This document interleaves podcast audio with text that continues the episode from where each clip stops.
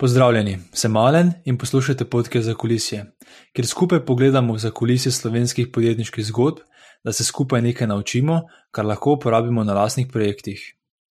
V 29. vdaji sem se pogovarjal z Primožem Zelenškom, soustanoviteljem in direktorjem podjetja Čipolo. Verjetno se še vsi spomnimo leta 2013, ko je Čipolo kot eno izmed prvih slovenskih podjetij imelo izjemno uspešno Kickstarter kampanjo. Na začetku so iskali 15 tisoč dolarjev začetnega kapitala, na koncu pa zbrali skoraj 300 tisoč dolarjev. Danes, torej nekaj let kasneje, je pač Polo mednarodno priznano podjetje z več kot milijon prodanimi produkti in vsak dan pomaga najti več kot 50 tisoč izgubljenih predmetov. V tem podkastu smo se s Primožem pogovarjali o njegovi podjetniški zgodbi pred Čipolom. Na to smo se pogovarjali o tem, kako in zakaj bi Primož spremenil čisto prvo pošiljko Čipolo produktov, torej tisto pošiljko, ki je bila izdana takoj po uspešni Kickstarter kampanji. Zaključila pa sva tudi z strateškimi načrti Čipola, torej zakaj in kako se bo Čipolo v prihodnosti odločil oziroma osredotočil na evropski trg. To je to v uvodu, sedaj pa želim prijetno poslušanje. Torej, primož, zanima me, kje se začne tvoja podjetniška zgodba ali ambicija. Predvsem, kaj si počel pred Čipolom, torej, če si bil v stiku s podjetništvom še predtem in odkot ta podjetniška želja. Ja, živijo, Alen. Ja, moja pot se začenja tako delno že v osnovni šoli, sem razno razne take projekte doma v bistvu počel. Pa, predvsem sem pa zelo rad razstavljal stvari, pa pol nikoli več nazaj sestavljal.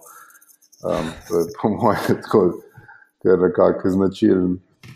Uh, potem pa v, v srednji šoli sem pa nekako začel se z razno raznimi projekti, malo bolj, bom rekel, za res ukvarjati, pa sem določene skice naredil, pa določene prototipe. Recimo ena izmed takih je bila hitro razkrivajoča ponjava za vozila. Takrat je bilo glih ena toča in sem jaz rekel, mater, pa kako to ne morejo reči z neko tako preprosto ponjavo, ki bi jo ti namastil recimo na zadnji del avtomobila. Potegnil tako čez streho, gor bi imel neko tako bombico s plinom in bi to pritisnil in bi se to relativno hitro manj napihl in bi ti v bistvu zaščitilo pol vozilo. No in ti sem kar nekaj časa razvijal, tako več ali manj je ostal pr pri pr sami ideji, oziroma pri pr takih začetnih prototipih. Dobil sem tudi neko nagrado, ampak vse se je nekako stavilo, vsi ti projekti, pri pr sami izvedbi in pa pri sami, bom rekel, prodaji. To, to je, ja, nekako, se mi zdi največji problem. No, in potem v 2010 smo s Tadejem, uh, Jošvarjem, sedela na njegovi varandi na morju in smo tuhtali v bistvu okoli aktiviti igre.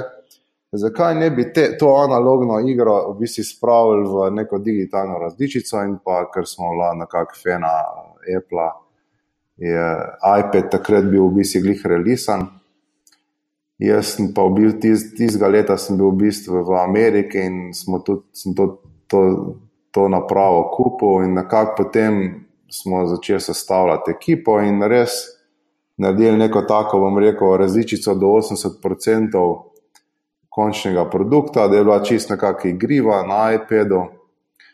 In um, ideja je bila v bistvu to igro potem ponuditi tej firmi, katera ima se pravi licenco in to je Pijatnik iz Avstrije. In tle se nekako vse začenja.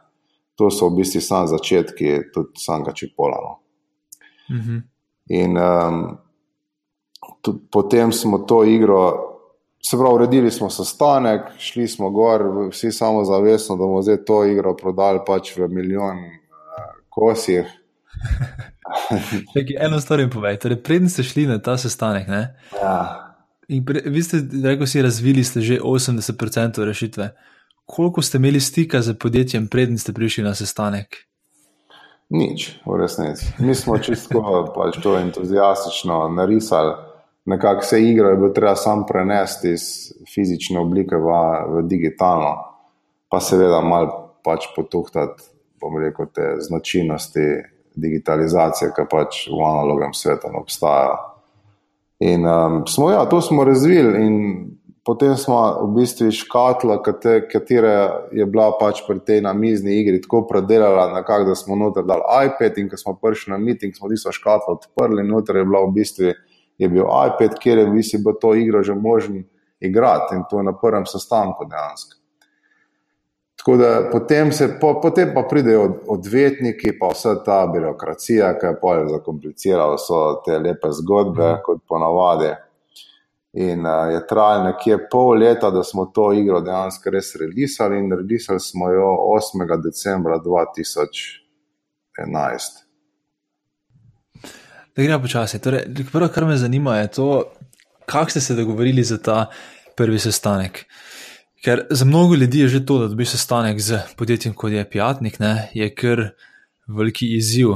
Kako ste se tega lotili? Vem, ste poslali mail, ste poznali koga, ste poklicali, pa kar porekli, e, mi imamo to, radi bi se z vami videli. Kak je ta celoten prvi sestanek, torej čas pred prvim sestankom in sam prvi sestanek izgledal? Ja, to je bilo tako. Zdaj si predstavljaj, predstavljaj, da je to ena firma, ki obstaja 250 let ja. na Dunaju. Se pravi, sigurno obstaja eden iz Slovenije, ki bi vsaj nekoga poznal, ki pa pač pozna tega direktora. Ja. sigurno, mora sigurno obstajati. In točno tako smo se lotili. V bistvu sem jaz, um, sem jaz rekel mojem od mame, v bistvu strico, ki ga tukaj mogoče ne bi zdaj omenil. In je nekako prek svojih vez, prek nekoga spet v Avstriji dobil, so pravi, številko od direktora, in potem smo ga v bistvu enostavno poklicali in nekako rekli, da imamo to, če se lahko oglasimo, pač ne Dunajno. Vse mogoče bi bila pot, mogoče smo preveč komplicirani, po drugi strani lahko kar pač pokličeš ali pa tam prideš pred dohod, pa rečeš, da je tole mama. Um, ampak vse nekako je bilo, verjetno je bilo to pravi način ne, za ta prvi sestanek. In kako je pozgledal prvi sestanek, kdo je bil vse v sobi, kako je to izgledalo, koliko časa ste dobili, kaj ste pokazali, kakšno vprašanje so oni imeli.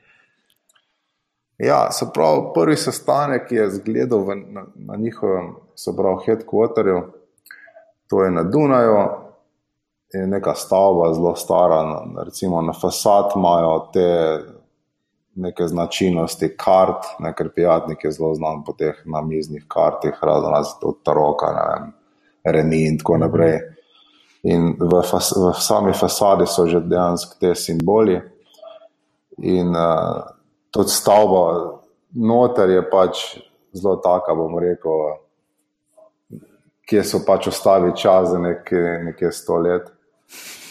Uh, ampak ja, bili smo v eni taki sejni sobi in smo dejansko tam imeli projektor. Vem, da, vem, da je bilo nekaj težav s tem projektorjem, da smo sploh nekako to vključili, pa pač naredili neko predstavitev. Kaj bo na predstavitvi, sem že čist pozabil, verjetno smo dali kakšne številke, kakšen je potencial.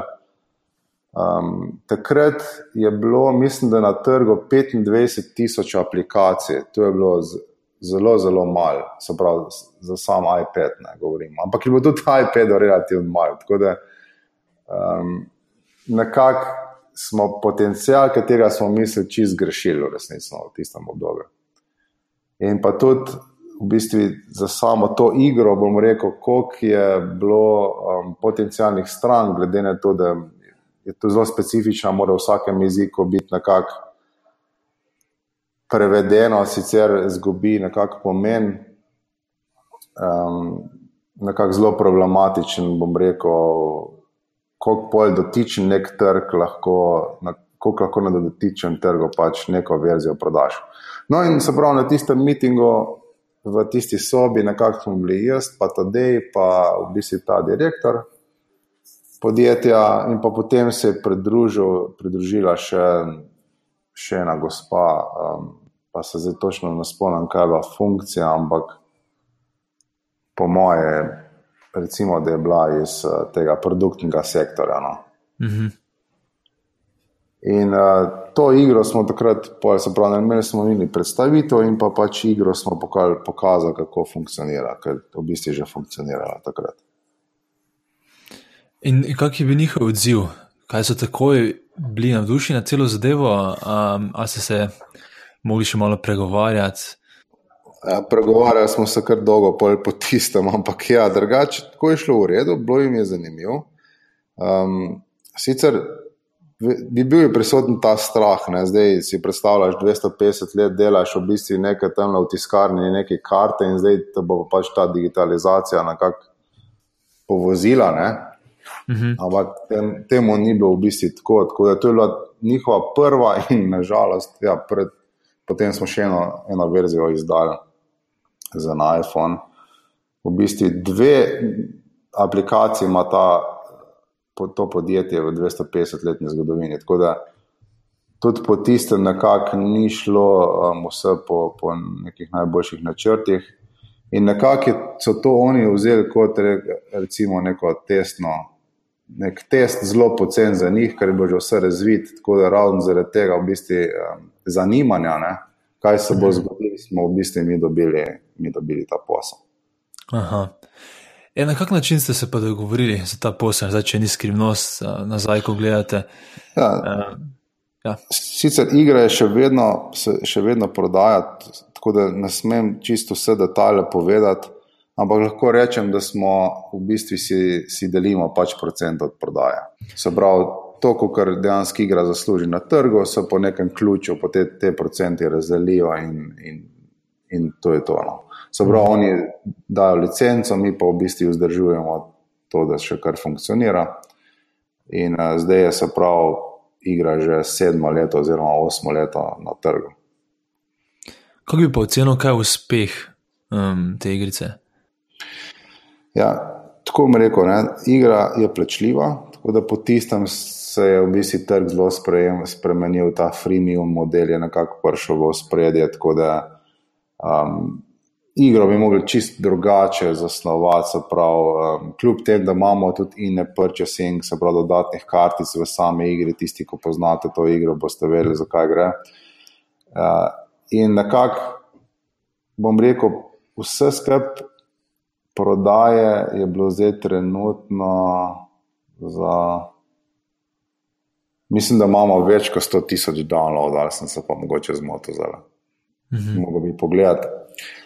Veliko bolj uspešno je bilo v bistvu remote, activity remote. Bom rekel, ne igra, ampak to je v bistvu nek dodatek, kjer lahko ti na iPhone, se pravi, pošlješ to kartico, ne se pravi, da je rekel, iPad kot nek board, ampak med igravci pa kroži se pravi potem sam telefon tistih prenosov je bilo dosti več, potem smo pa releasali še uh, igro, se pravi, za na sam iPhone, se pravi, reče se pa Activity Pocket, kjer je pa nekako bil, bila doživeti, mislim, zelo slab, nekako uspešno.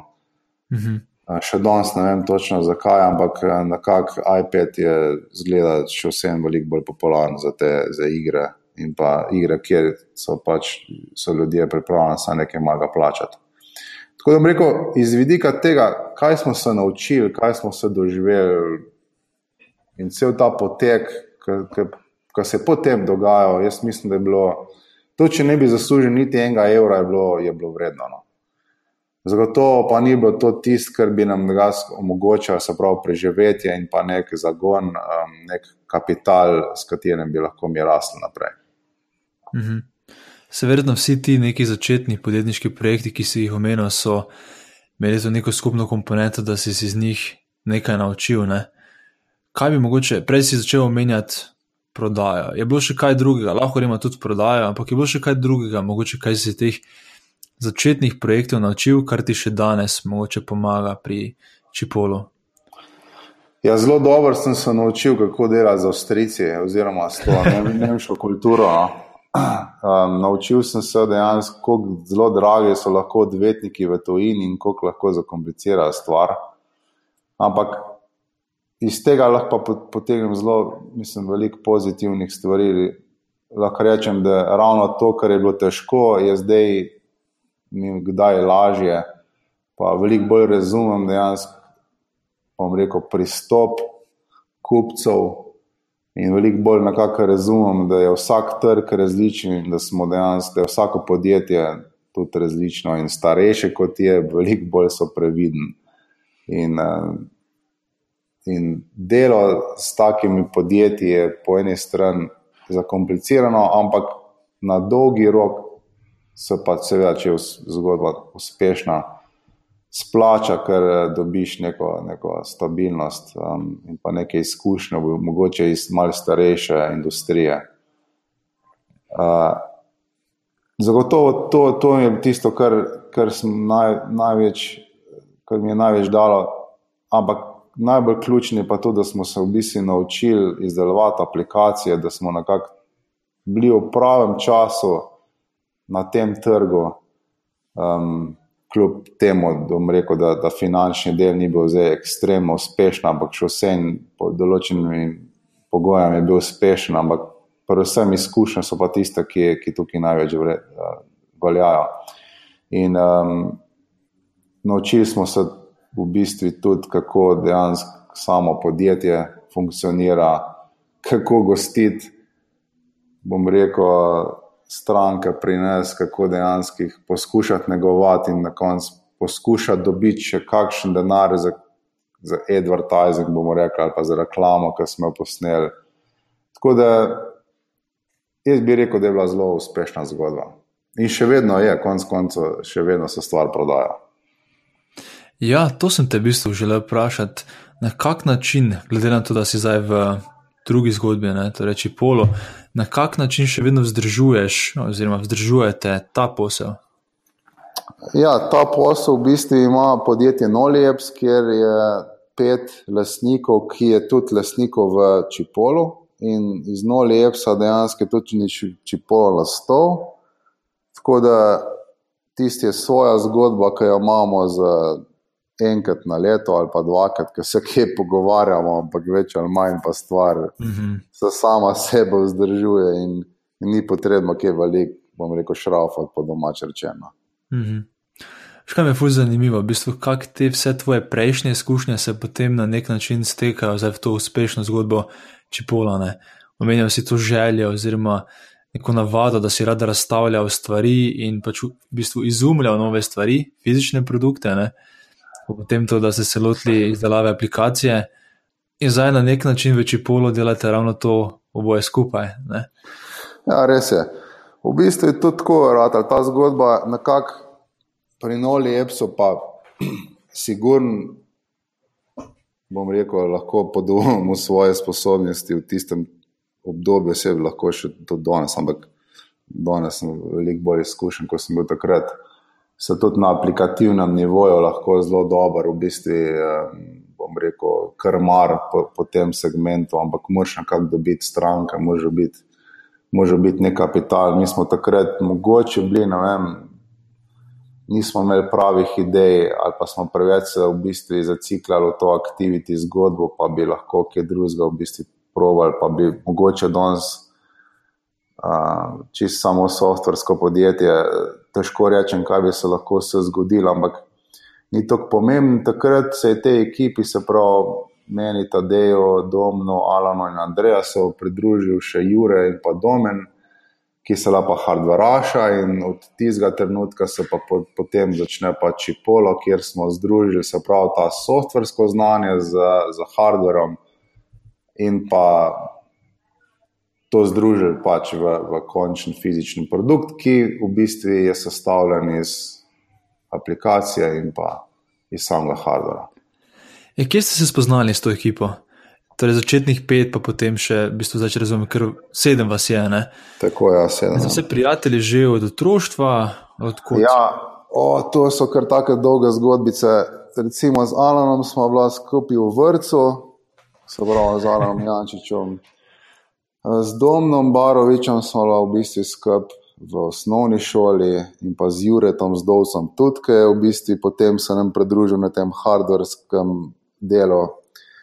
Andreja sa, eh, Deregija sem spoznal v bistvu na faksu, tam 2009 in smo takrat to prijateljstvo začeli goj, uh, gojiti in uh, nekako se nam je pridružil Noli Epso. Potem Jure in Domen Plaskan, ki sta ta hardverski del sestavljala, nekako sta bila sodelavca in prijatelja, sta del, pa nekako se začel, bom rekel, sem nekako rado prijatelj zaradi njegovega brata, kjer sem bila sošolca. Tako da tle so te vezi zelo, zelo prepletene. Prijateljsko in pa neko, bom rekel, neko partnerstvo kasneje. Mhm. Se do tega še mogoče pridemo, me zanima, kako se vam to izide, ker dosti ljudi pravi, da ni pametno mešati prijateljstvo in uh, posel. Ampak da ima mogoče skr skočiti v zgodbo Čipola, mogoče za začetek, kakšna je sploh zgodba za začetkom, veš, odkot ideja? Ja, ideja je bila taka, no, se brom. Mi smo imeli software, Jure pa, pa Domen sta nekako vladala ta hardverski del in smo dali neki idej na kup. Takrat, to je bilo 2012, je Bluetooth tehnologija, Bluetooth 4.0, tehnologija nekako prišla v, v spredje. Uh, videli smo, da je to je prihodnost in še danes lahko rečem, da je to pravilna odločitev. In potem je bilo zlistanih kar veliko idej, in uh, ker je imel domen plaskan skozi te težave, da je nekaj izgubljal, smo rekli, pa da imamo nek hardware, ki bi bil za naključe, pa ki bi v bistvu šel iz dometa ven, se pravi iz tega rangea, Bluetooth signala, da bi to nekaj zapiskali in bi pa videl, ključe sem pozabil. Ne? In iz tega se dejansko je, je vsa zgodba v bistvu začela.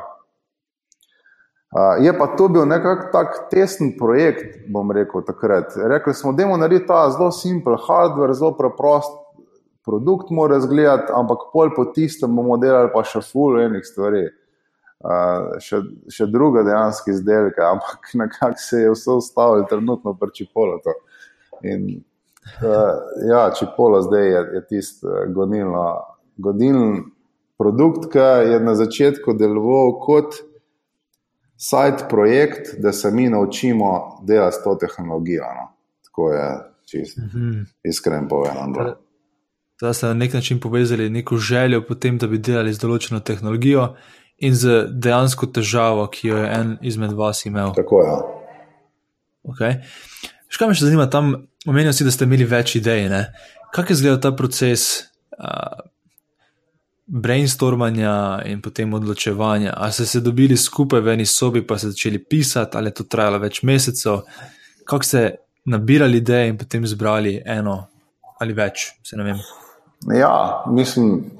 Ponovadi to je tako zgledalo, da se že prej, pa no, lepso, več ali manj smo se dobili v gostilni, um, pa, pa smo dali par stvari na mizo, nekako te ideje, pa smo se pogovarjali, pa pogovarjali, pogovarjali.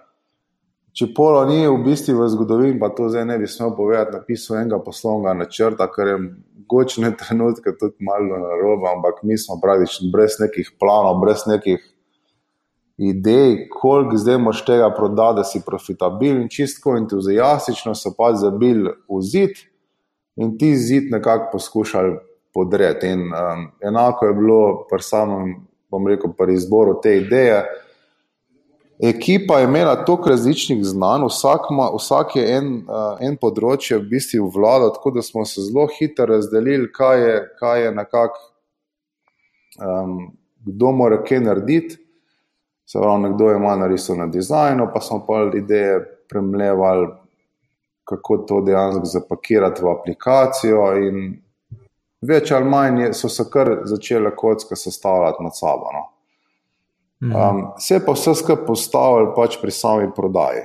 Prodaja je tista, ki pač rine podjetje naprej, oziroma mu da možnost preživetja in pa tudi ga pokopljene. Zdaj pa mhm. ni sam prodaja tista, seveda v zadnjem mora biti dober produkt, da se prodaja, ampak um, če si predstavljaš, narediš hardware, se pravi prototip, nekje na 80%, in zdaj to poskušaš dobiti nek osnovni kapital, nekih 100 jurjev, da boš naredil neke prve serije in pač to poskušal prodati, je zelo zahteven, ker danes tekmujemo z res zelo močno konkurenco na kjerem koli področju, in takrat je v bistvu prišla ideja, da bi šli na Kickstarter. In Kickstarter se nam je zdel res eh, najbolj optimalna izbiranje tudi bila. Kaj ste imeli že vse pripravljeno, preden ste se odločili za Kickstarter? Ja, mi smo imeli v bistvu produkt več ali manj narejen. Uh, mi smo imeli neko malo zalogo že v bistvu takrat, da bi lahko te izdelke naredili, ampak praktično je res ne mogoče najti kupce. Um, in in uh, potem smo šli, bom rekel, tako, smo poskušali najti ljudi, ki so že bili na Kickstarteru v Sloveniji, in smo od njih poskušali dobiti največ dejansko nekih izkušenj. In iz tistega dejansko se naučiti in pač postaviti, bom rekel, to, um, to mhm. kampanjo. No. Tako da mi smo imeli dejansko produkt. Danes, če pogledam nazaj, sicer razvit nekje na 50%, ampak takrat sem mislil, da je na 90% razvitno. Pa bi bil to nas tvoj na svet, mogoče za podjetnike, mlade podjetnike, ki razmišljajo tudi o svojem fizičnem produktu, da prednji se lotijo ali Kickstarterja ali iskanja investicij na drugačen način, da imajo tudi to 90% po njihovem mnenju razvit produkt, ali bi hitreje se mogoče lotil te prodaje na kak drug, na drugačen način. Jaz bi se sigurno drugače lotil. No. In sicer Kickstarter je takrat bila platforma, ki v bistvu tudi že samo idejo, ne, tudi če zdaj produkt ni funkcioniral, ali pa nekako si saj vedel, da bo, da bo lahko funkcioniral, ne, si lahko bil uspešen. Tako da zagotovo je zelo dober, da imaš produkt razvit čim bolj. Ampak vse je najbolj pomembno, kako boš to stvar prodal. In če bi danes dal izkušnjo, če bi, če bi danes dal nek, bom rekel, če pogledam za nazaj, kako bi se tega lotil. Mogoče bi se lotil na podobno, ampak seveda sem dosti bolj izkušen, pa bi točno vedel, kaj narediti. Ampak predvsem bi namenil veliko več časa v samem razvoju in pač produkt res dodelal. Da je nekako primeren za prodajo. Tako da pri hardverskih produktih je ta težava, da rabiš res zelo veliko ložk. Pri softveru spletno stran postaviti in nekaj začeti prodajati, je dosti bolj enostavno, kot pa dejansko fizični produkt. Mora nekaj delati, da ga lahko začneš prodajati. Ne. Uh mhm. -huh. Idejo dosti teže prodajaš. In bom rekel, vse je moj predlog, da, da čim več, čim bolj razvijajo stvar. Do neke meje, saj delujočega, da se ti v bistvu naučiš s to tehnologijo, nekak, da spoznaš tehnologijo in da jo nekako obvladaš, ker ti je pol, kasneje, lažje. Sej, denar ti lahko to vse prenese, ampak izkušen ti ne bo prenesel in je, in je zelo pomembno, da, da točno veš, če že ne narediš, kako boš to stvar naredil. Mm, ja, to se mi zdi fully pomembno, da vsaj čutiš pri sebi, oziroma da si pripričan, da to lahko narediš. Ne? Potem pa pridemo do tega, te teme prodaja, ne, ki jo toliko omenjaš. In me res zanima, mogoče za čipolo, kaj je bila prva prodaja, kdo bi bil prvi kupec, na kak način ste prodali to zadevo. A ste tako šli na Kickstarter ali je že bilo predtem, da ste kakšnemu kolegu probali zadevo prodati? Ne, nismo, mi smo še kar takoj na Kickstarter dejansko. Mi smo, bom rekel, takrat zagrabili to priložnost. Ene štiri mesece smo v bistvu vložili v pripravo to kampanje in um, releasali kampanjo, ki je v 25 dneh zbrala 300 tisoč dolarjev. -hmm. Ampak smo bili zelo naivni, kako bomo hitro to stvar dostavili k strankam. In smo dejansko zelo slabe produkte, zdaj lahko rečem, takrat dal na trg. No. Uh, ker so bili enostavno prehit narejeni, premalo so bili dodelani. Če bi danes pogledal za nazaj, bi si vzel par mesecev več in dostavil boljši produkt, no, kot smo ga. Da, to mi, to, to mi je fulj zanimivo, da to mi povej. To je tako neka verjetno konstantna um, trade-off med tem, da nekaj hitro realisaš, pa dobiš nek feedback, ne?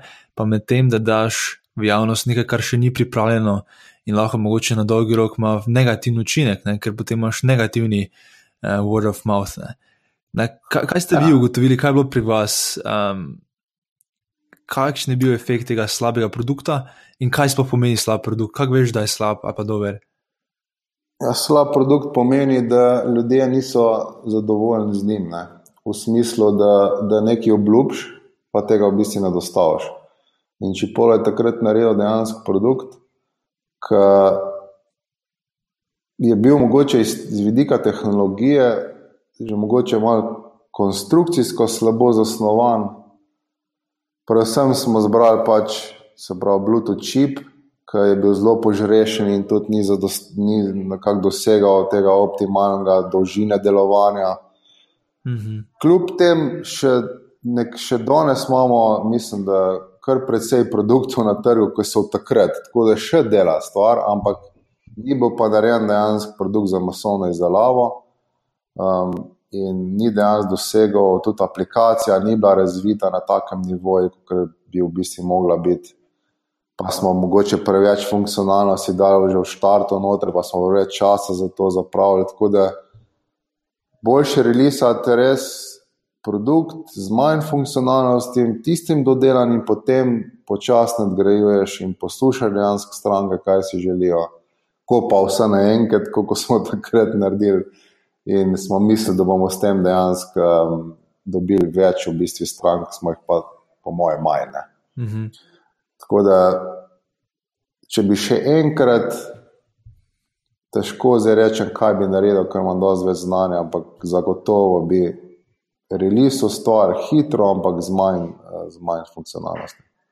Zadnji sem slišal to fully zanimivo um, distinkcijo med MVP-jem in MVP. APM, ne, APM. Torej, um, in ta tip je govoril, sicer tudi opazil to zadevo, da se veliko podjetnikov na začetku fokusira na čim prej dati nek produkt na trg, ne, uh, minimum viable produkt, ampak oni jim predlagajo, da naredijo minimum awesome produkt. Mhm. Torej, da je res mogoče okrnjena verzija tiste celotne vizije, ampak tista okrnjena verzija je pa pač zelo, zelo kul. Cool. Jaz se popolnoma strinjam s tem. Um, se pravi, relisi na trg, tisto, kar je dejansko res, bom rekel, nikoli ni popolno, ampak tisto, kar misliš, pa da ti drugi tudi nekako povejo, da je stvar res dobro narejena. No. Mogoče z malo mal bolj okrnjena, ampak tisto, kar daš, mora biti zelo dobro. Ampak zakaj niste tega naredili? Kaj vas je bilo strah, mogoče tega? Vem, zdaj, je bila težava v tem, da ste na Kickstarter rekli, mi bomo tistega in tistega datuma to vam poslali, in niste hteli um, izpast, ne, škoda, boste zamudili z, z pošiljko, pa se zaradi tega tukaj naprej potiskali, ali je bilo kaj drugega v zadju. Ja, en razlog je bil, ker smo obljubili, da bo, ne, mislim, da prvi beč dostavljen pred decembrom, oziroma pred Božičem, in to so ljudje pač pričakovali kot za darilo. Mm. In nismo, nis, nismo želeli dejansko razočarati teh naših strank iz Kickstarterja. To je bila prva stvar, druga stvar pa mislim, da smo imeli čisto premalo znanja. In, in nismo si predstavljali dejansko, koliko časa je potreben dejansko za, za ene stvari, da se res naredijo kvalitetno. Mhm. Máš mogoče kakšne primere, kako to mogoče rečemo, preuranjeno šipanje oziroma um, izdaja produkta, kakšne vplive ima lahko na podjetje? Ja, dobro, lahko imaš tudi zelo negativen vpliv, ne, če predolgo stvar razvijaš. Tako da tle je ta trade-off med tistem, res, kaj je v bistvu dobro in kaj je odlično. Bom rekel, ne, Um, tako da to odlično dosegati, moraš res zelo hitro. Zelo pomembno je, da je firma tako organizirana, da ta odličnost dosega v istem času, kot pa konkurenca dobro. To je, se mi zdi, no, tako nekako, če bi zdaj nek zaključek naredil okay. tega dela. No. Zdaj, če gremo nazaj na Kickstarter, um, vi ste se v bistvu odločili postaviti kar nizek cilj, 15.000 dolarjev pa ste ga potem, kot si rekel, za skoraj 20 krat presegli. Ne? A je bilo namerno, da ste tako nizko postavili cilj, da je bilo bolj enostavno doseči, ali ste dejansko bili zadovoljni s 15 tisoč dolarjev? Ja, ta 15 tisoč dolarjev bo tako zelo, zelo optimističen postavljen. Pač s tem denarjem, jaz ne vem, če bi jih takrat dosegli, pa mogli realizirati, ne bi nič naredili. Ker, to dva šraufa, preurodje dejansko to koštata. No. Uh, prav, mislim, malo pretiravam, ampak hočem povedati, da je bil ta cilj, ta, ta nizek cilj je bil narejen samo z enega vidika, ker je bil takrat trend, da se je v bistvu ta gol ričil čim hitreje. Ni zaradi drugega. Realno bi mi takrat rabili nekih, recimo, 50, bi bil nekje minimum, da bi se to sploh splačalo narediti no, za 50 tisoč dolarjev. Tako da Uh, Dosti smo se pregovarjali, pa mogoče smo bili takrat skromni. To je bilo tako zelo tak hobi, v bistvu, brez nekih plač, brez, brez nekega, neke obveze, da moš dejansko zdaj vsak mesec 18 nekaj izplačati. Praktično smo v svoj čas, vsa, vso znanje od prej, poznanstva, izkušnje drugih poskušali zapakirati in stvar narediti in jo dati pač na trg. No. Zato je, smo bili zelo skromni tudi verjetno pri, pri, pri tem presetanju tega uh, cilja. No. Pa seveda prvi razlog, katerega sem navedel. Uh mhm. Zdaj ne bom šel vse detajle, kako ste izvedli Kickstarter kampanjo, ker je ta tema zelo dobro pokrita v prvi oddaji za kolesje, ker sem se pogovarjal z Nikom Klanško. Ampak vprašajte pa nekaj drugega s to temo povezano. In sicer, Vi ste se na Kickstarter pripravili v bolj zgodnih dneh Kickstarterja, ne? ko je bila še to rečemo bolj noviteta kot je danes, zdaj minilo že 4 do 5 let. Če bi danes začenjal s čipolom, ehm, pa če bi bila še vedno na trgu podobna situacija, kar se tiče, da ne bi bilo tako konkurence in podobno, torej, če bi danes začenjal, kako bi se odločil za zbiranje sredstev? Ja, danes. Če sem čisto iskren, Kickstarter me spremljam ravno veliko. Čas malo pogledam, kaj se res neke novitete, ampak mislim, da je potem kasneje Kickstarter presegel neko osnovo, katera je bila se prav pomagati, bom rekel, nekim produktom, da vidijo, da nekako vidijo luč tega sveta in se je zelo začel veliko v bistvu dajati v marketing. Mi takrat nismo dali niti enega evra v bistvu v Google Ads ali pa v neke Facebook Ads. No. Da, um, če sem čisto iskren, ne znam danes povedati, kaj vse za sabo potegne neka Kickstarter kampanja, ampak je mhm. zagotovo čist drug, neki drug, za kar je takrat bila in, in rabi že jansk. Uh, profi, bom rekel, profesionalno ekipo, ki ti skrbi za, za marketinški del, sicer ne verjamem, da si uspešen. Uh -huh. Ja, pa dajmo potem v to temo uh, malo bolj globoko zariti in sicer to prodajo produktov. Um, mogoče ti dam malo tako na splošno vprašanje, pa se ga loti, um, kjer ti najbolj leži. In sicer, kaj je potrebno za um, produkt, ki se dobro prodaja?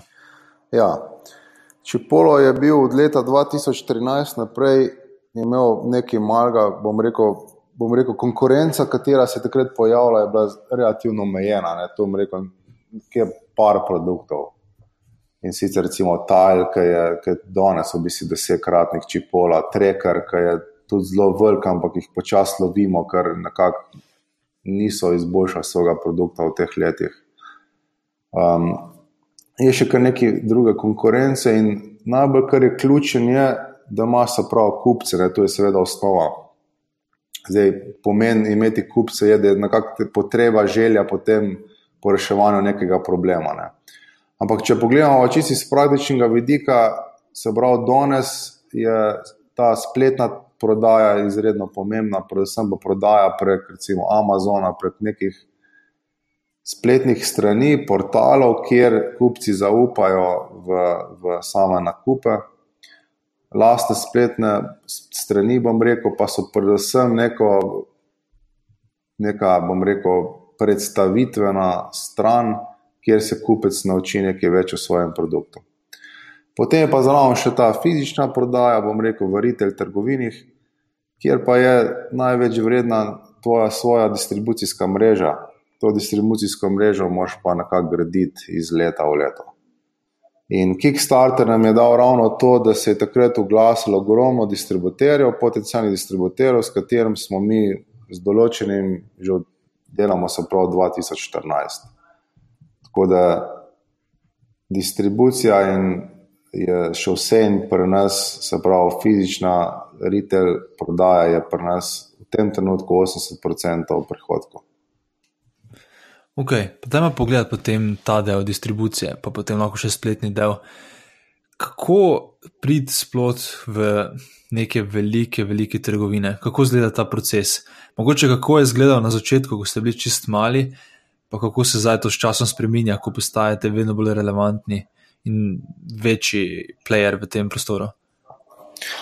Ja, 2014 je to tako izgledalo, da kjerkoli se je v bistvu javil, več ali manj, smo rekli, no, v redu, ti pa si lahko naš distributer. In potem je dobil neko ekskluzivo in je rekel, ja, v redu, da imamo pa to na italijanske market, pa ameriške, španske, več ali manj imamo okoli 25 distributerjev. No, čez čas, ko je pol firma rasla, smo se tudi nekaj naučili in smo videli, da ta distributer pa ni najbolj primeren, zato ker v bistvu je relativno mehen ali kak ima vem, preveč kos pogače za sebe želi ali pa nima v bistvu dobrih kupcev, dobrih retailerjev v zadju. To recimo je en primer ameriški trg, kjer delamo z neko eno firmo, našim distributerjem, ker nas v bistvu še danes ni spravil, recimo v, v Staples ali pa v Best Buy ali pa Target in tako naprej. Smo v, nekem, v nekih manjših verigih in naučili smo se, da obstajajo tudi razlogi za to. Ne? Mislim, vedno na koncu je nek razlog. In razlog je pa v tem, da, da je na ameriškem trgu relativno dolga veriga teh posrednikov, preden ti pač vstopiš v samo retail trgovino. Ali pa je v bistvu, da si ti tam prisoten, zelo drago. To pomeni, vem, da moraš plačati neki, nekaj dolarjev na mesec, da si sploh noter v trgovini. Uh mhm. -huh. Ali pa so pogoji neugodni, recimo, da je vem, komisijska prodaja, pa si predstavljamo, da imamo vem. 3000 trgovin, pa zdaj v 3000 trgovin, da je noter 100 kosov. Uh -huh. Pravi, moraš narediti 300 tisoč zaloge, da bo 100 kosov v vsaki trgovini, potem boš pa prodal na koncu, ne vem, 100 tisoč izdelkov, vse ostalo ti bojo pa vrli, a se hitro lahko crkneš. Ne? In mhm. zdaj, če imaš dobrega distributerja, ki je rekel: V redu, jaz bom za vas vzel 3000, uh, bom vzel te trgovine, kupil bom 200 tisoč izdelkov in bom to dal noter in bom jaz pač prevzel riziko. Ne? Ta za distributerja mi nažalost nismo imeli, zato tudi nismo bili prisotni v, ali pa še danes nismo v Ameriki prisotni v največjih verigah. Ne. Ampak smo se tudi od tega nekaj naučili. In sicer naučili smo se, kako dejansko um, funkcionirajo, bom rekel, ta delitev procentov, marš posameznih koščkov v sami distribuciji. Naučili smo se, da tudi po eni strani ni tako dobro biti v, v vseh teh varigah, ampak je mogoče vem, se fokusirati samo na eno. Pa, pa da je zelo pomembno, koliko je dejansko ta brand tam močen, ker če ni brenda, potem kupc ne bo tam kupil in je tak nek začaran krok. Mhm. In naša konkurenca je to tako počela, da je dobila zelo visoke investicije in je rekla, da jaz bom vrgla pač tok pa tok v sam market in potem se ta stvar lahko obrača in si ti lahko tudi prvoščiš, da imaš tam post display. To je v bistvu nek, bom rekel, tak predstavitven display, ne? ker pokažeš, kaj ta produkt je in čemu je namenjen. Čipolo je tudi če malo zaidem, no, ima en problem, da je čisto novi kategoriji in v bistvu ga ljudje niso poznali. In bo treba tudi dejansko še stranke naučiti. Mm -hmm. Se pravi, potencijalne kupce. Ne, če ali ti veš, če boš rabo sesalc, boš šel po sesalc. Ne, ne veš ja. pa verjetno, da če zgubljaš ključe, ne, da obstaja neka napravica, ki ti bo to v resnici pomagala. Ne. Točno to. Da, še to je bilo v bistvu težava. Tako da ta distribucija je bom rekel, lahko zelo, mislim, je v bistvu zelo problematična, ampak brez nje nekako ni, ni prodajano. Um, torej, ena stvar, ki sem slišal, se mi zdi zelo zanimiva, je to, da se v bistvu na začetku splača, mogoče malo bolj fokusirano iti v neke manjše verige, da se ti to bolj splača tam testirati, kot pa. Veš, ker na začetku si razmišljamo, ja, jaz bi rad prišel v Walmart, Best Buy, Amazon, dobro, Amazon je druga zgodba in podobno, ker se pač to sliši seksi in se zdi, kot da boš tam največ prodal. ampak kar zdaj slišim od tebe, je, da mogoče na začetku boljše testirati nekimi manjšimi trgovinami. Ja, tako bom rekel. No. Imamo primere, ki so recimo na CESO dobili purchase orderje od, od velikih dejanskih uh, kupcev, ampak je bil to v bistvu prodaja direktna. Se pravi, to je skoraj nemogoče, zelo težko, da se zgodi. Pravi, si predstavljaš, ti si zdaj Best Buy in jaz te direkt prodam produkt, in oba ima zelo lepe marže. Pa če enega v bistvu samo mešamo vmes, ki pobere vem, 7 do 10 odstotkov, da bo to distribucijo za nekakšen handlo, še nekako veriga cene preživi. Kar je pa dejansko več, kot pa začnemo vključevati druge dejansko distributerje, ki so nekako, bomo rekel, posredniki, je pa, je pa stvar praktično ne mogoče prodati potem v samo trgovino. In tukaj jaz vidim, se pravi, je več opcij, ampak vsem mislim, da najbolj kar je ključno, je, da se je bolj fokusirati v en trg. To smo mogoče tudi v preteklosti naredili napako. Se pravi, če bi še danes ponovil zgodbo, bi recimo se fokusiral vem, samo na italijanski trg ali pa recimo samo na, francoski trg, pa ti ga poskušal veliko bolj nekako, uh, bom rekel, usvojiti in potem se bi širil naprej.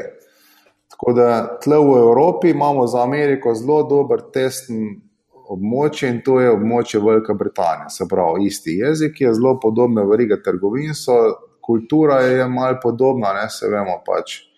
Britanci so eksport ali večina, bom rekel, ljudi pa znanja v Ameriko, tako da so mhm. neke paralele. Tako da zagotovo, če bi se še enkrat lotil, bi se bolj fokusiral na, na ta evropski trg in pa na britanski trg, in potem naslednji korak naredil v Ameriko.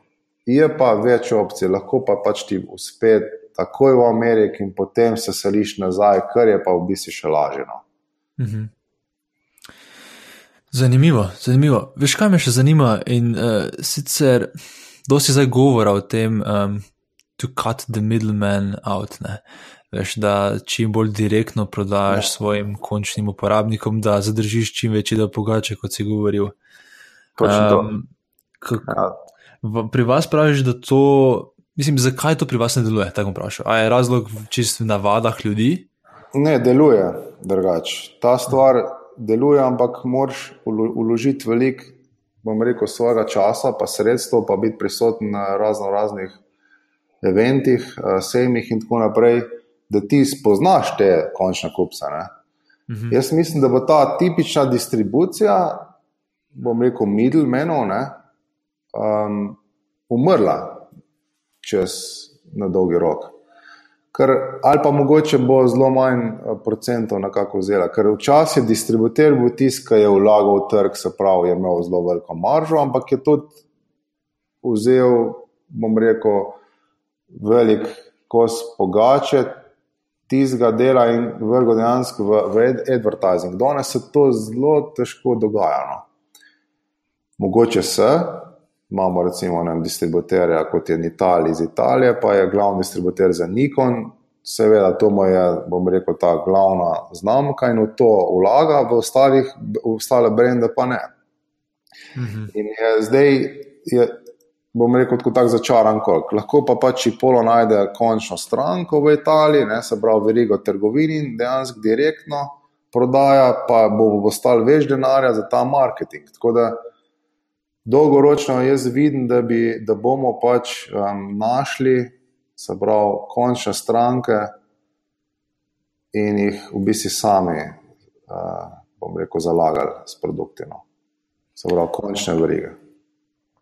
Kako se ti pa zdi, kaj je prihodnost spletnega nakupovanja za vaš produkt? Omenil si prej, da 80% ljudi še vedno kupujejo v eh, fizičnih trgovinah, kar me je osebno malo presenetilo, glede na to, da ste začeli celotno zgodbo na Kickstarterju in bi si mislil, da glede na to, da je neka začetna zgodba bila zelo spletna, da bo tudi um, prodaja sama uh, spletna. Ja, mi imamo zelo močno konkurenco in zdaj si predstavljaš, da imaš še dva močna ali pa tri konkurente in vsi dejansko mečejo gnar na iste keywords. Mm -hmm. Cena teh keywordsov potem začne naraščati in rata taka mehna bitka. Ne? za, za kupce. Tako da mi se te vojne nismo mogli iti. In uh, zato je, bom rekel, precej manjši delež na online prodaji. Ampak dolgoročno jaz vidim dejansko Amazon ali pa Alibaba, ne, recimo, pa še kakšen se bo pojavil, ki bojo v bistvu glavni lideri prodaje izdelkov, sploh takšnih, ki so naši dejansko v prihodnosti. Ja, kakšne so kaj vaše izkušnje z Amazonom? Ja, mi smo se v preteklosti fokusirali na ta ameriški trg, tako da smo imeli v bistvu svojo, bom rekel, trgovino na Amazon.com. Zdaj se selimo, se pravi, naš fokus je bolj Evropa, tako da zdaj odpiramo, se pravi, to angliški market, se pravi UK, Amazon in pa potem bo sledil še, Ameri, še nemški, pardon. Um, italijanskega bomo prepustili italijanskemu distributerju, ker ima ekipo za to in so že začeli delati na, na tej stvari. Tako da mi bomo v prihodnih letih rata zelo močen na samem Amazonu in pa naslednji korak bi bil pa potem Alibaba. Um, a z Amazonom sodelujete na tak način, da imate tudi pri njih potem tiste, vem, da imajo tu opcijo, da lahko pri njih najameš tudi um, skladišče. Ja, imamo, ja, v Ameriki imamo, recimo, se tega poslužujemo, uh mhm. -huh. tukaj bomo pa še videli, kako bo distribucija potekala. No. Uh mhm. -huh. ja. Kakšne so izkušnje s tem, ker mislim, da se ljudi zdaj govori o tem kot veliki podjetniški priložnosti, veš, da uh, narediš svoj pasivni prihodek s tem, da daš nek produkt v. Amazon uh, warehouse oziroma skladišče in oni naredijo cel fulfillment tega, da pošljajo za kasira in tako naprej. Kakšne so kaj vaše izkušnje s tem, koliko to dejansko časa vzame, da se postavi? Kar nekaj časa vzame v resnici, pa tudi ta njihov servis ni ravno najbolj enostaven. Tako da, da bi tako rekel, da zdaj bomo pa super malo produkt, pa da je tukaj enostaven, da bomo kar vse v enem tednu zrihtali, delče mm -hmm. tega. Rab določen čas. In um, rabš pač znanje v podjetju, ki ga če pol v mhm. bistvu žal ni um, akumuliral.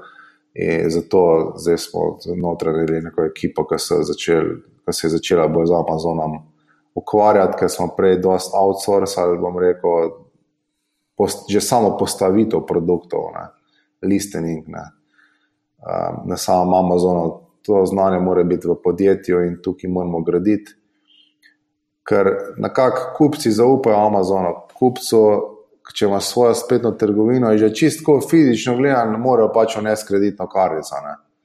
Že to ja. je en korak, čist odveč, ne. pa tam je zanesljivost dosti večja, ker so relevantne revije in pač ljudje zaupajo v, v to spletno trgovino. Bom rekel, v spletni portal.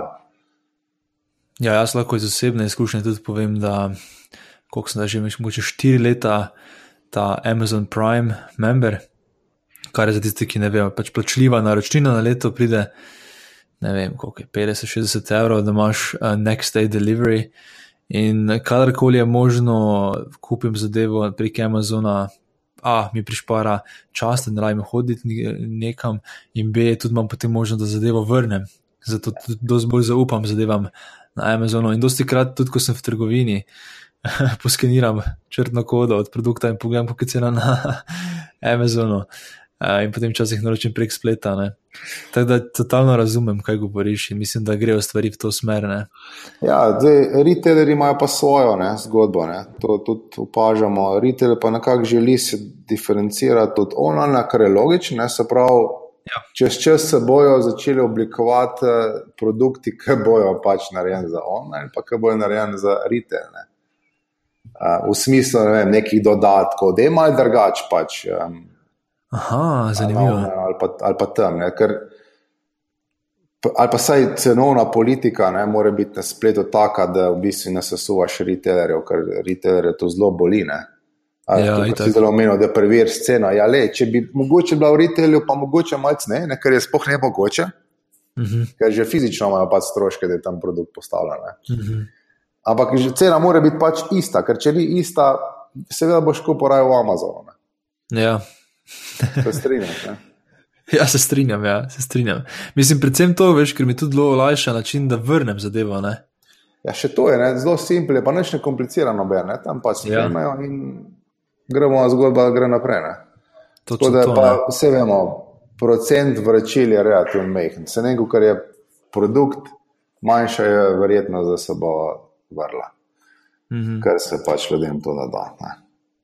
Ja, ja. A vi ste že razmišljali, kako bi diferencirali produkt prek spleta od tega v retail trgovini?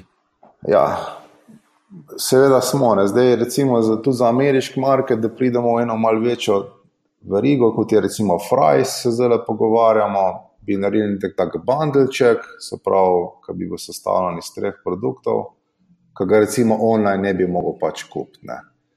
In bi bila tudi cena lahko drugačna. Tako da na, v našem primeru je to možno, če pa prodamo televizijo, si ne predstavljam dejansko, ne, kako bi to naredila. Um, če recimo, ne vem, pa prodajamo PlayStation, je pa pač možno, da tam v retailu dobiš pa zraven še neko igrico za stojen, online pa ne. ne.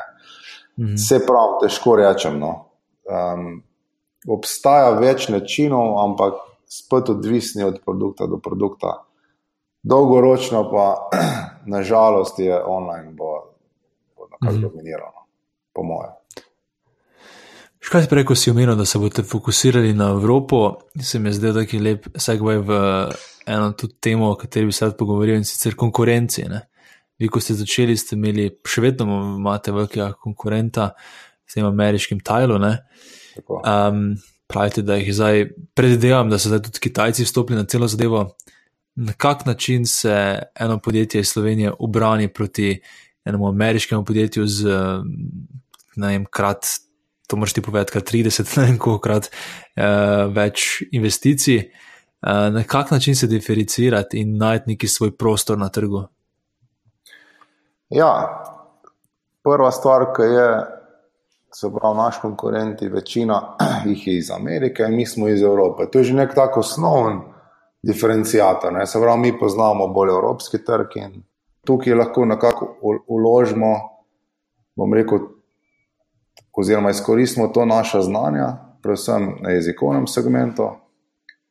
Um, bližine samih trgov, jaz se lahko danes zapeljem v bistvu v Italijo do distributera, američan mora iti na avion. Ne, tako da obstajajo neke prednosti, katere imamo in te mhm. majhne prednosti je treba tukaj izkoristiti. Ne. Poleg tega tudi mentaliteta v Evropi je zelo podobna. Vse mogoče ne zgleda, ampak na koncu je in um, lažje pač delamo med, med seboj. In to je v bistvu naša, naša prednost. Torej, biti močnejši tam, kjer smo v bistvu doma. In izkoristiti pač naš domač, domač trg. Ker smo odprli meje, ker smo dobili evro, je v bistvu mhm. tudi Slovenija dobila to možnost. Ne? Smo nekako rata konkurenčni. Ker če si danes je zelo težko predstavljati, da bi lahko zdaj skozi mena to neke tolarje, ne? pa sem, spošt, imam, imam, sem imel to valuto. Ampak vse in za delo na, na svetovnem trgu je pa ta, v bistvu, bom rekel, evro oziroma ta valuta zelo pomembna. Se mogoče sem malo zašel, ampak kaj hočem pomena, povedati, je to, da moramo pač izkoristiti vse te danosti in prednosti, katere imamo na, do, na domačem terenu. To je prva stvar. Druga stvar, kjer se lahko mi diferenciramo in kjer smo boljši lahko tudi nismo, ampak jaz mislim, da smo v teh inoviranjih. Se pravi, mi moramo v bistvu biti tehnološko boljši. Mi moramo nekako bolj razumeti naše stranke, moramo več v to vložiti. Um, in, in pa v samo tehnologijo. In tukaj dejansko vidim dva glavna diferencijatora. En je že zaradi same lokacije, drugi je pa v bistvu ne glede na to, kje bi bili, je pa zaradi same tehnologije.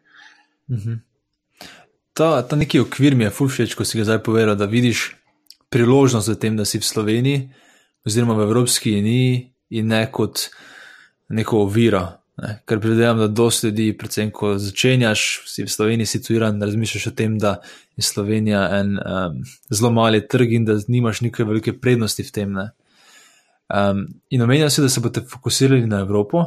In tu imamo eno vprašanje in sicer veliko krat ljudje govorijo, da je dosti lažje enemu podjetju v Ameriki se razširiti po celi Ameriki, kot enemu evropskemu po celi Evropi, ker je pač Evropa toliko bolj eh, razfragmentirana.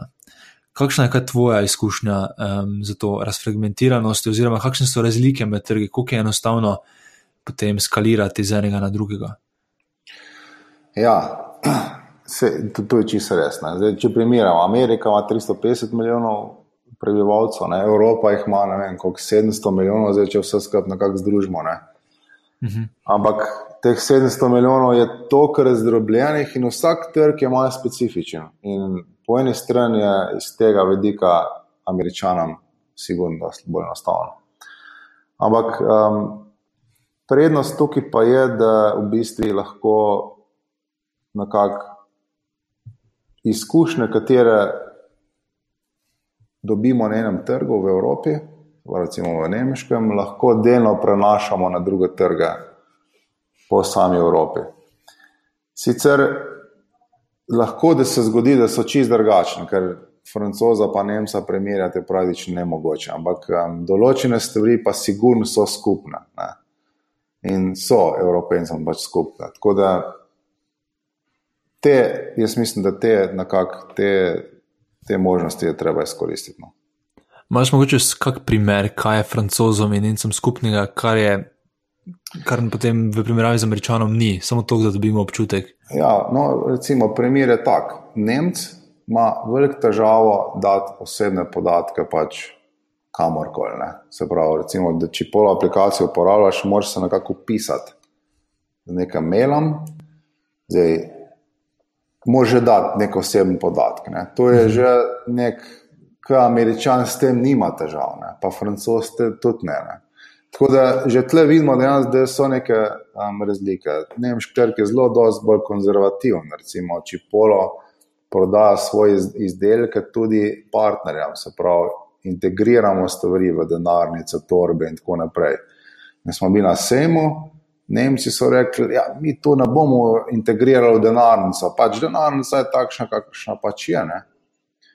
In ne rab tehnologije. Ne? In kar recimo, ne vem, nizozemc je zelo odprt za te stvari. Ne? Um, recimo, primer je Exter, to je rekel, nek manjši konkurent, ne? ki bo zdaj, upam, uh, delči pola platforme, slejko prej. Oni se zavedajo, da pač moraš iti v korak s tehnologijo in ljudje pač pričakujejo. Ne. Tako da določeni trgi so zelo podobni američanom, določeni so pa različni, ampak mi, mi razumemo to, to različnost. Veliko bolj kot po mojem američanju. Vse mogoče samo od novih tajna, kako moj občutek. Mhm, mhm. Omenjal si zdaj to integracijo z partnerji. Dajmo se še tega dotakniti. Um, to je tudi ena zadeva, ki sem pred kratkim opazil, torej, da so začeli sodelovati z um, partnerji. Naprimer, videl sem z Perry Ellis, ne, ki je izdelovalec um, denarnic med ostalim, ne, in v bistvu zdaj z njimi sodelujete, da delate pametno denarnico ali ne vem, kako to oni tehnološko denarnico, mislim, da oni to poimenujejo. Ja. Um, kakšna je kaj izkušnja z tem? Ja, tako je. Se pravi, zdaj, če pogledamo, kaj v osnovi je Čipolo počel, Čipolo ima, je, je, je, ima zdaj v bistvu tri produkte, Soro plus, Čipolo plus, Classic in pa Kart. In te izdelke v bistvu mi prodajamo online in retail. In potem smo rekli v določenem momentu, zakaj mi ne bi te tehnologije prodajali še drugim partnerjem, ki imajo v bistvu danes ne tehnološke izdelke, kot je recimo ne, torba, kovček. Um, neka dežnik, vse neke stvari, ki se zgubljajo. Tudi mhm. te, te, v bistvu, te izdelki bi potrebovali nek, neko funkcionalnost čipola. In potem smo naredili čipola platformo, kjer je v bistvu mogoče, da kot si omenil, PRL za danes, no, integriramo noter, se pravi, čipolo tehnologijo. In rata ta denarnica v bistvu čez noč srčabilna, se pravi, lahko jo pozvoniš, lahko jo najdeš, če jo zgubiš, ti jo komuniti poskuša najti. Enako funkcionalnost kot jo ima Čipolo in v bistvu Čipolo skrbi za celotno infrastrukturo. Ta denarnica se uporablja na Čipolo aplikaciji, se pravi, nič stroška za proizvajalce denarnice. Čipolo v bistvu proda hardware, katerega on integrira, torej nič stroška za razvoj tega hardvera. In pa um, poleg tega dobi pa to podjetje še analitiko. dobi analitiko v tem smislu, da mu povemo, koliko je bilo teh denarnic aktiviranih in pa koliko časa dejansko te denarnice uporabljajo, ker on lahko na podlagi teh podatkov ocen, koliko dober je svoj produkt zasnoval. Ja. In to je v bistvu nekakšna vizija, vizija Čipola, torej integrira tehnologijo v druge produkte, zagotavlja tem podjetjem benefite, kot je se pravi iz neke normalne denarnice v, v tehnološko napredno denarnico, dobi se pravi zraven analitiko, kupec dobi v bistvu tehnološko denarnico, katero lahko najde, poveča se nam komunity, se pravi, gradimo največji Lost and Found komunity na svetu, in pa dolgoročno. Dolgoročno vidimo pač priložnost v vseh teh informacijah, katere dejansko mi pridobivamo od teh produktov. Mhm. Ja, to je ena zelo zanimiva težava, ki jo imajo ti klasični analogni produkti. Ne? Da nimaš te analitike, koliko ljudi uporabljajo, na kak način, če je sploh uporabna zadeva. Ta, to je kar zanimiv benefit, predvidevam, za te vaše partnerje. Ne? Ja, to smo, to, to smo mislili drugače, da bo zelo enostavno, ampak ima pa en problem. In sicer ta tehnologija danes, katero imamo, katero uporabljamo, je še mogoče malo predraga. Se pravi, zdaj si predstavljaj, da imamo tam eno torbo, ki stane 100 dolarjev. Ne? Če noter damo dodatni čip, ki stane 5 dolarjev, se bo končna cena podrežila tam. V najslabšem primeru za 25 dolarjev, se pravi petkratnik, in to že predstavlja težavo na samem trgu. In kar je treba narediti v prihodnosti, je, da se mora ta tehnologija poceniti, da bo lahko v bistvu to podjetje integriralo pravično tehnologijo v vsak, ali pa ne, v 80% pač svojih izdelkov, um, neko tehnologijo. No. Tako da cena je danes še velik problem. Kakšne, kakšne učinke pa vi vidite na prodaji? In sicer zanima me, če to, da imate partnerje, ne samo vpliva na to, da ste v teh denarnicah ne, s partnerji ali pa v, v torbah ali kaj podobnega, ampak da dejansko ljudje se tam naučijo, da če pol obstaja, pa potem mogoče kupijo pri vas direktno. Imate kakšne podatke na to? Ja, točno to. Ne. Zdaj smo ugotovili eno stvar. Recimo, zdaj se pogovarjamo z nizozemsko, z njihovim nizozemskim podjetjem Secret. To delajo recimo milijon denarnic na leto. Ne. Oni, oni ne bojo to integrirali v vsako denarnico, ampak bomo v trgovini prodajali v bistvu co-branded, bom rekel, čipolo. Se pravi, če si predstavljaš, da imaš en kup denarnic, zraven bo pa še v bistvu nek displej, kjer boš lahko ti kupil čipolo in ga v bistvu ustavil v to denarnico. Torej, koliko procentov bo to ljudi naredil, v tem trenutku ne morem reči, ker tega primera še nimamo, ampak zelo bomo nekje z enimi štirimi podobno zgodbo nekako zapalali. Torej, želimo biti v vsaki denarnici na nek način, z neko kodo, z nekim listkam, karkoli da lahko mi v bistvu potem po upselamo produkt v to denarnico. Mhm. In um, to je ta način, katerega smo zdaj nekako brali. Torej, biti prisoten v denarnici ali že, zač že na začetku z ščipolom, ali pa potem v bistvu kasneje čez stranske vrate nekako vstopiti v same produkte. Ne.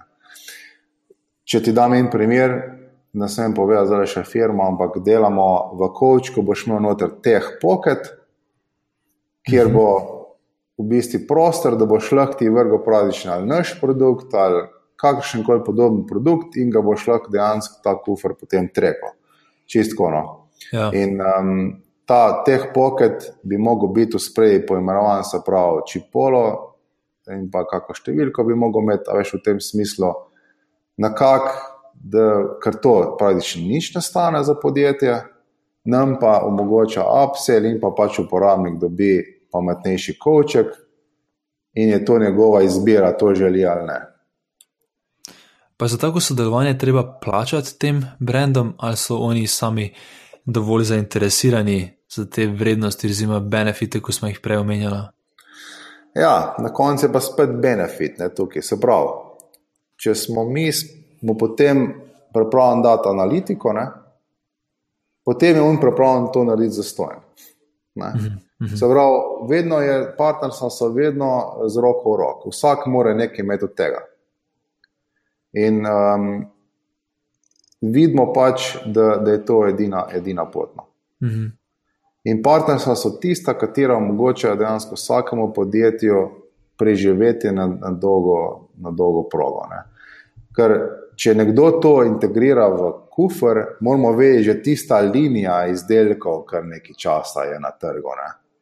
Ni to zdaj v dveh mesecih. To je leto, dve, recimo, je cikl takih produktov, ki sigurno pač obstaja, pa mogoče še dalje. Tako da iz tega vidika je partnerstvo eh, potrebno, ker v bistvu je zelo je težko dobiti posel, ampak ko si enkrat noter, ko si z njimi, je tudi ga zelo teže izgubiti, pa že bomo rekli. Mhm.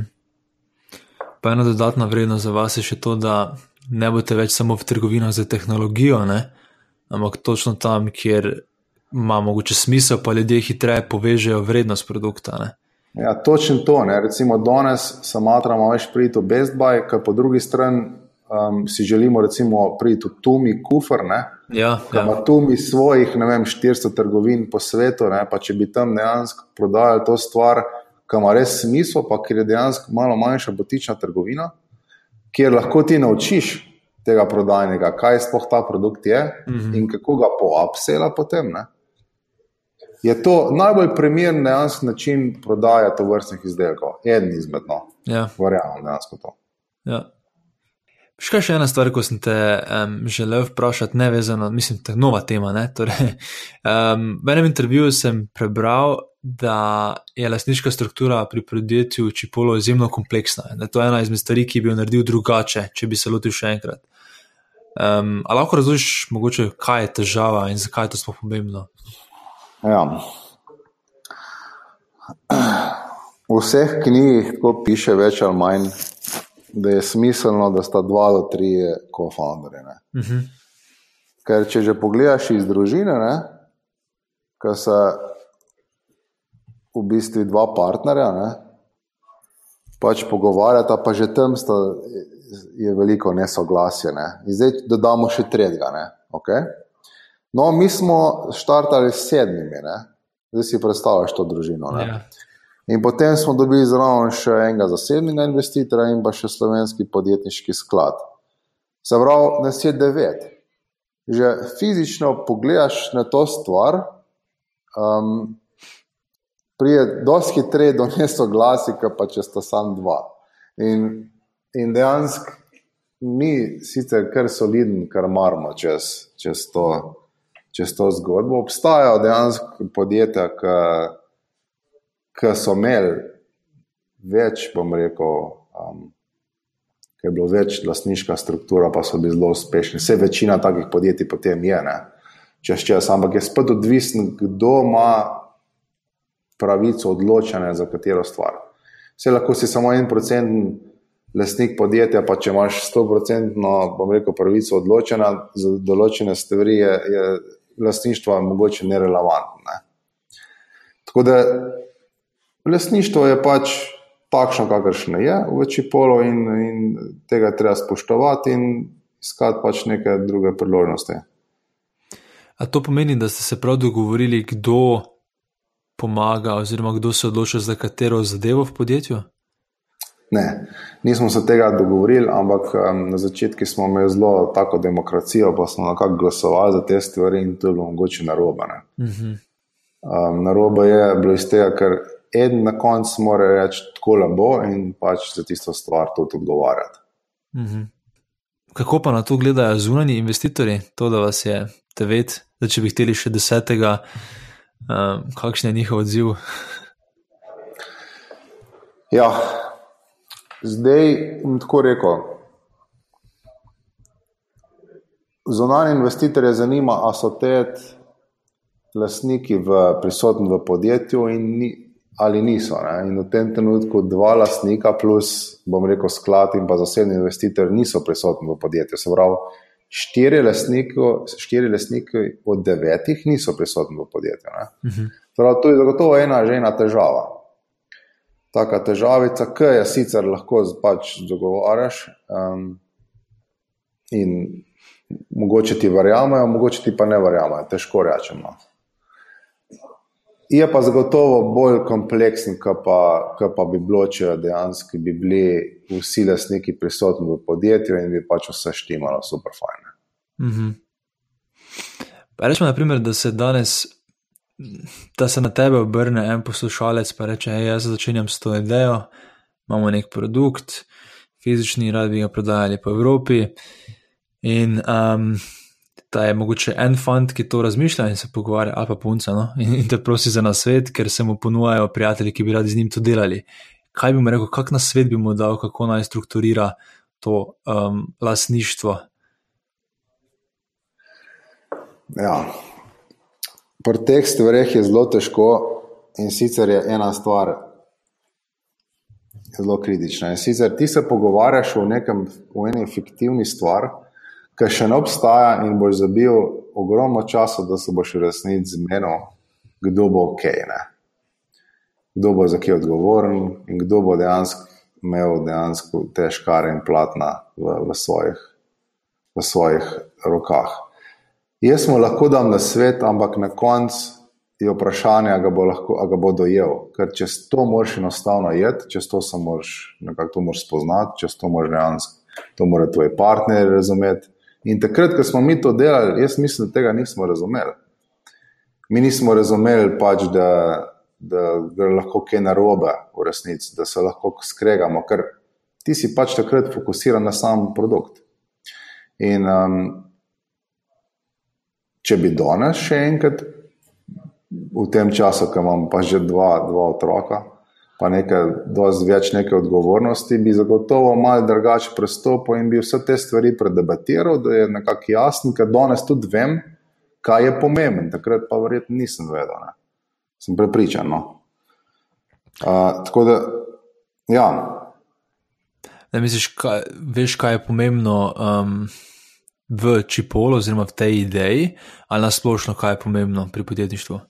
Na splošno, recimo, pri pr lesništvu je tako. Ne, zdaj, tisti, ki bo pač dal največ finančnega vložka na začetku, je pač bo večinski lesnik. Zdaj, ta drug bo pa rekel, ja, no, jaz pa največ dela zdaj prispeval tukaj zraven. No, kako so ta te dva zmerna? Ja, dobro vprašanje.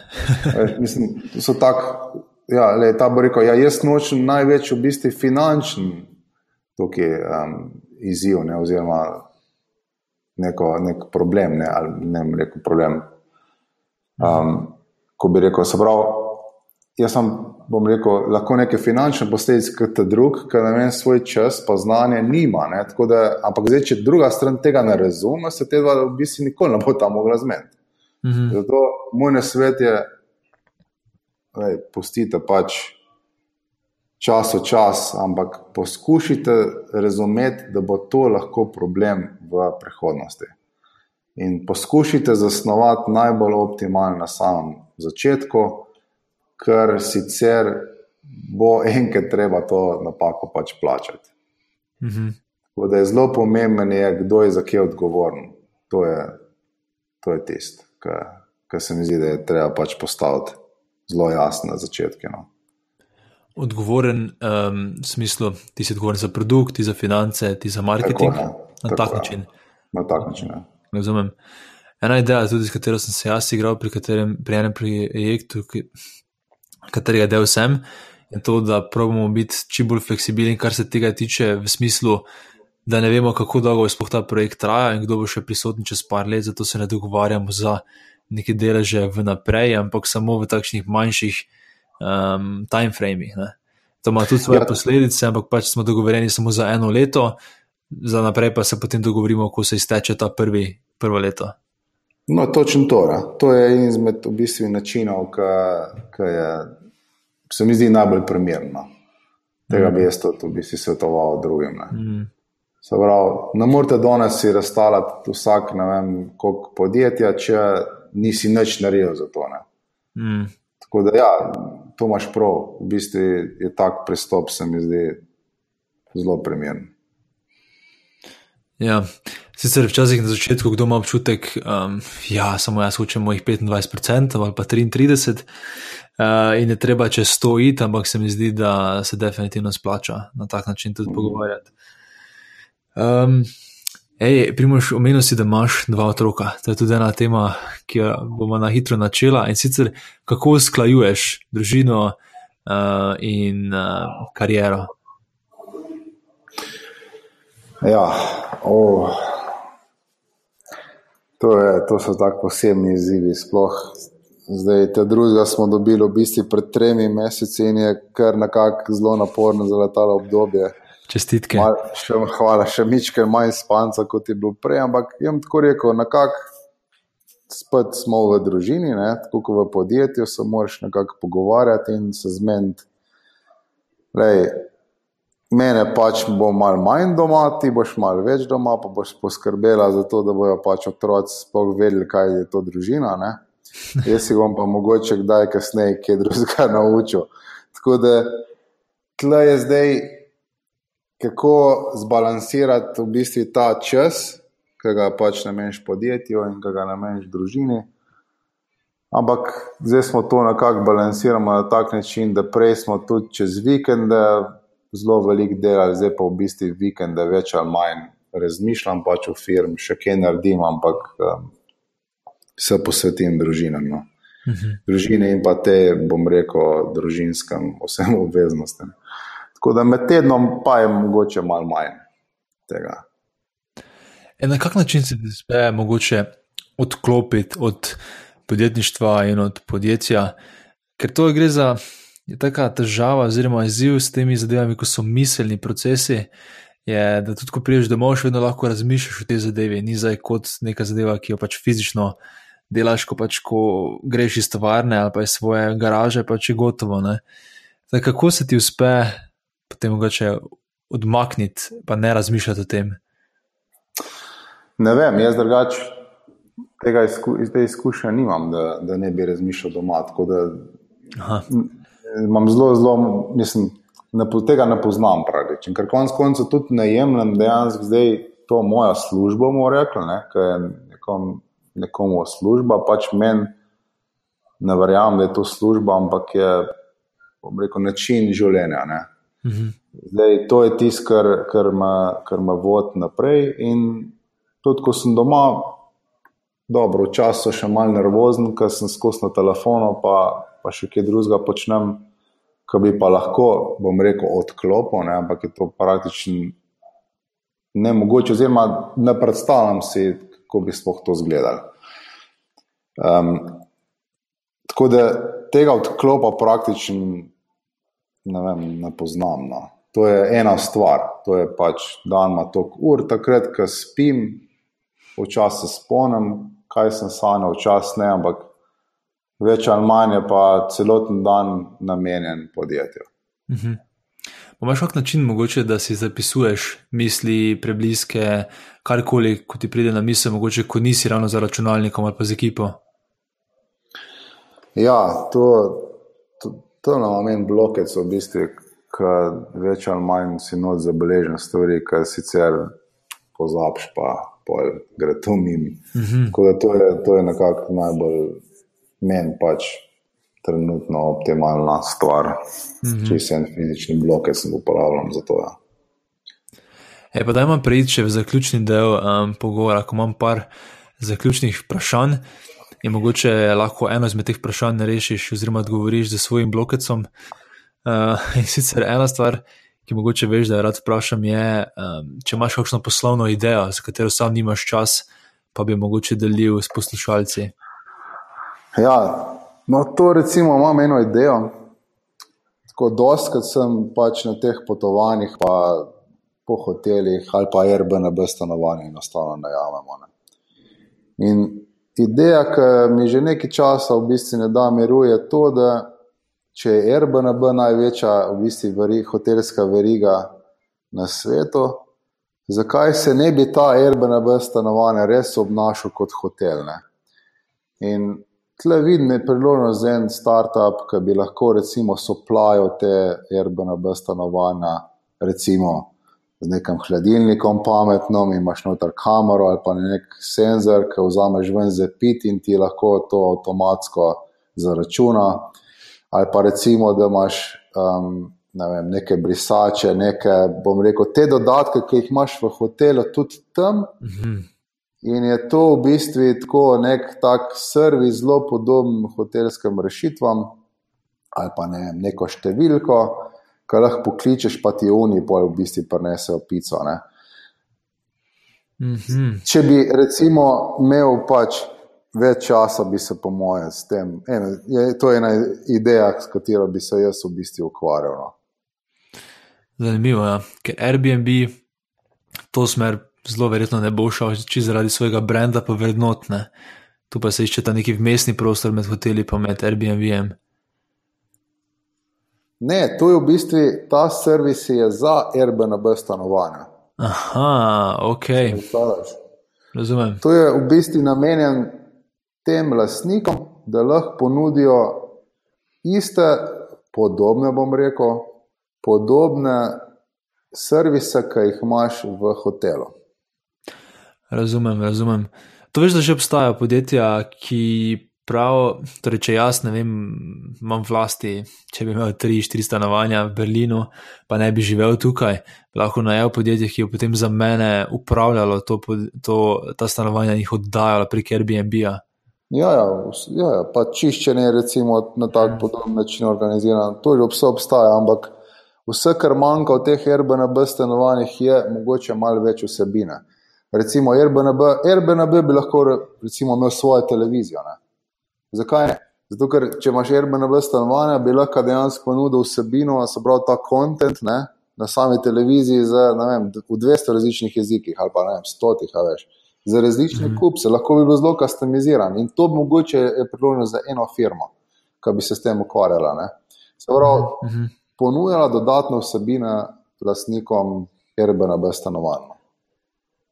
Mm, ta so lastniki tisti, ki se odločajo za to, um, ne Airbnb. Razumem, da je cool.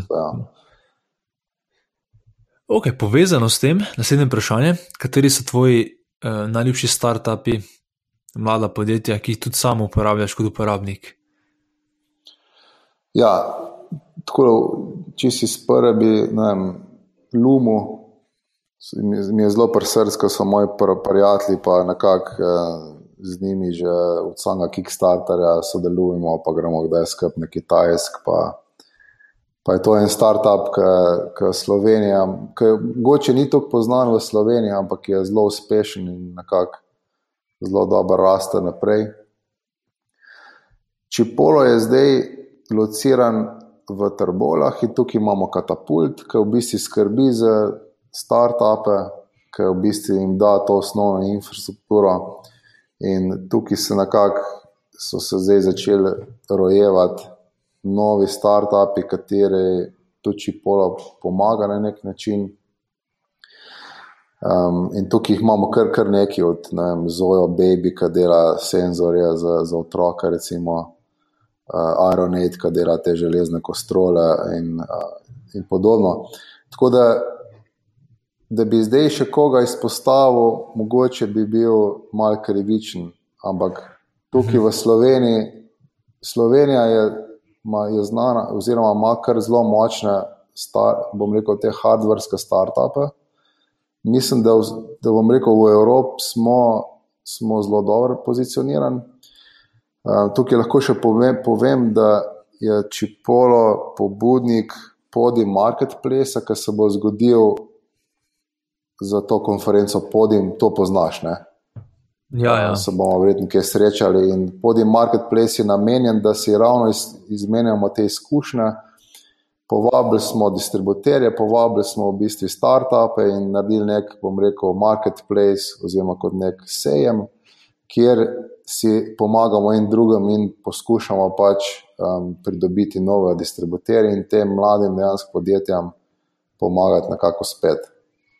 Tako da v svetovnem, bom rekel, merilu. Ne.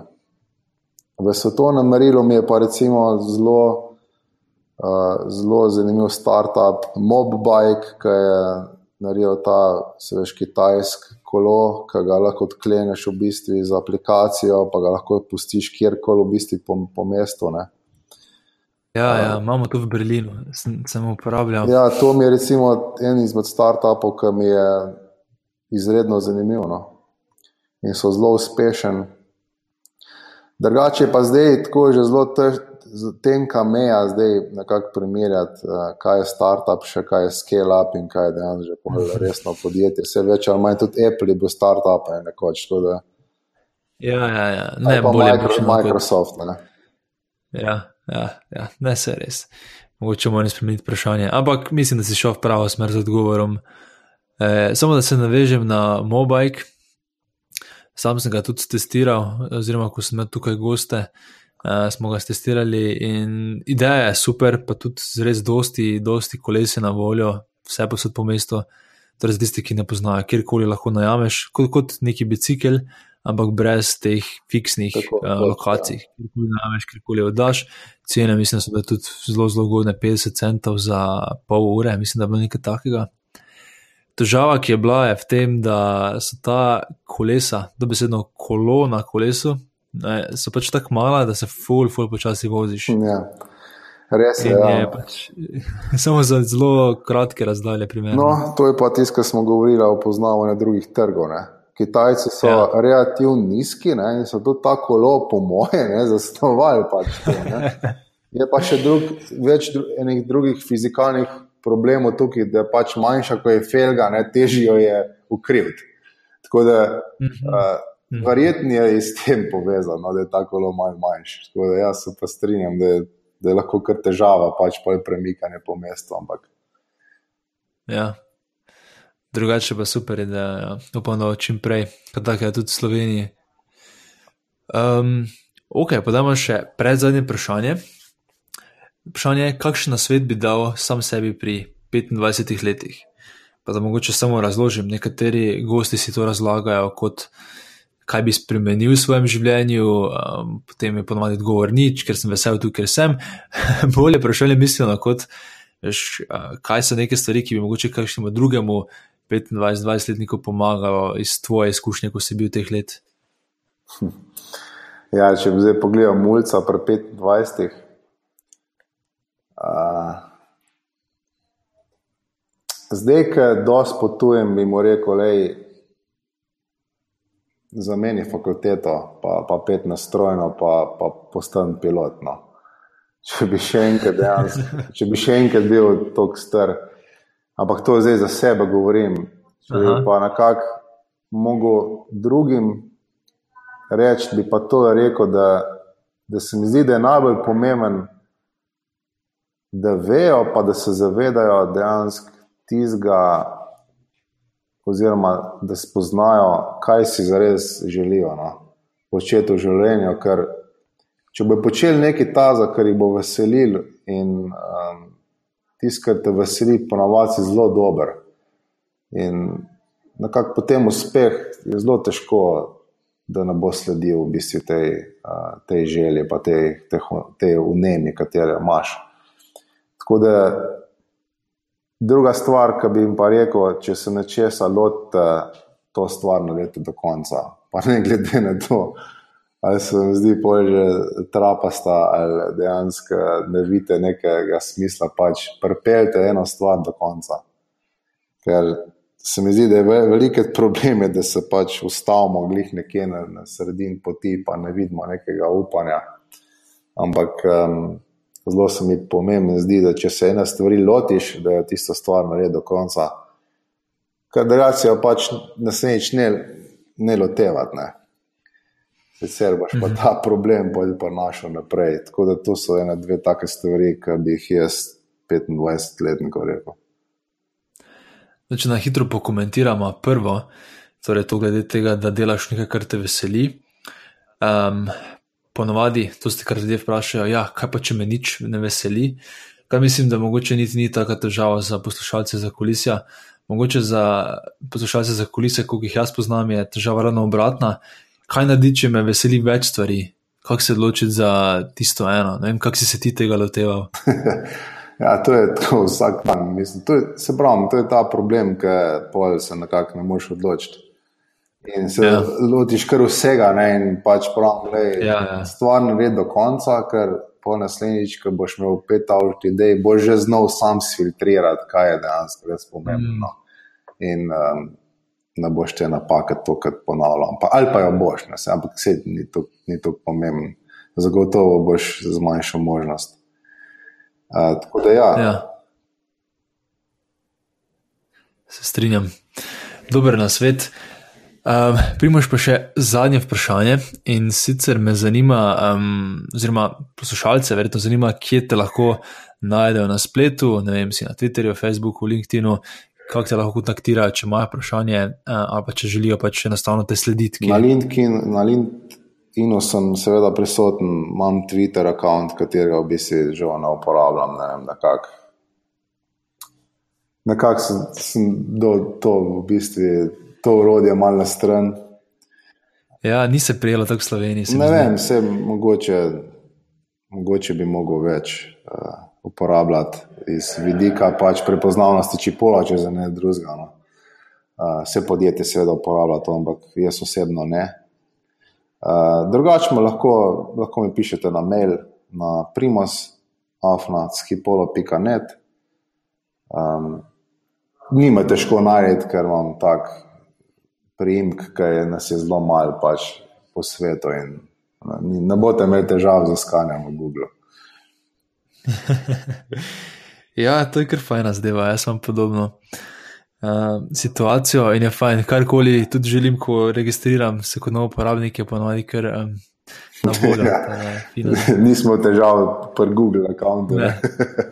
ja, ja. Ej, najlepša hvala, Primož, za tvoj čas um, in za te res zanimive odgovore. Pa do sreče še, še naprej. Ja, hvala lepa za povabilo in vsem poslušalcem je zaželo veliko uspeha uh, in res počnite tisto, kar, kar vas veseli. Pa boste uspešni. Tako, to je vse v današnji epizodi. Če ti podcast za kulise všeč, te vabim, da se prijaviš na mailing listu na zakulisi.com, da boš obveščen ob objavi naslednje epizode. A ja, pa hvala vsem, ki ste oddali ocene in komentarje na iTunesu.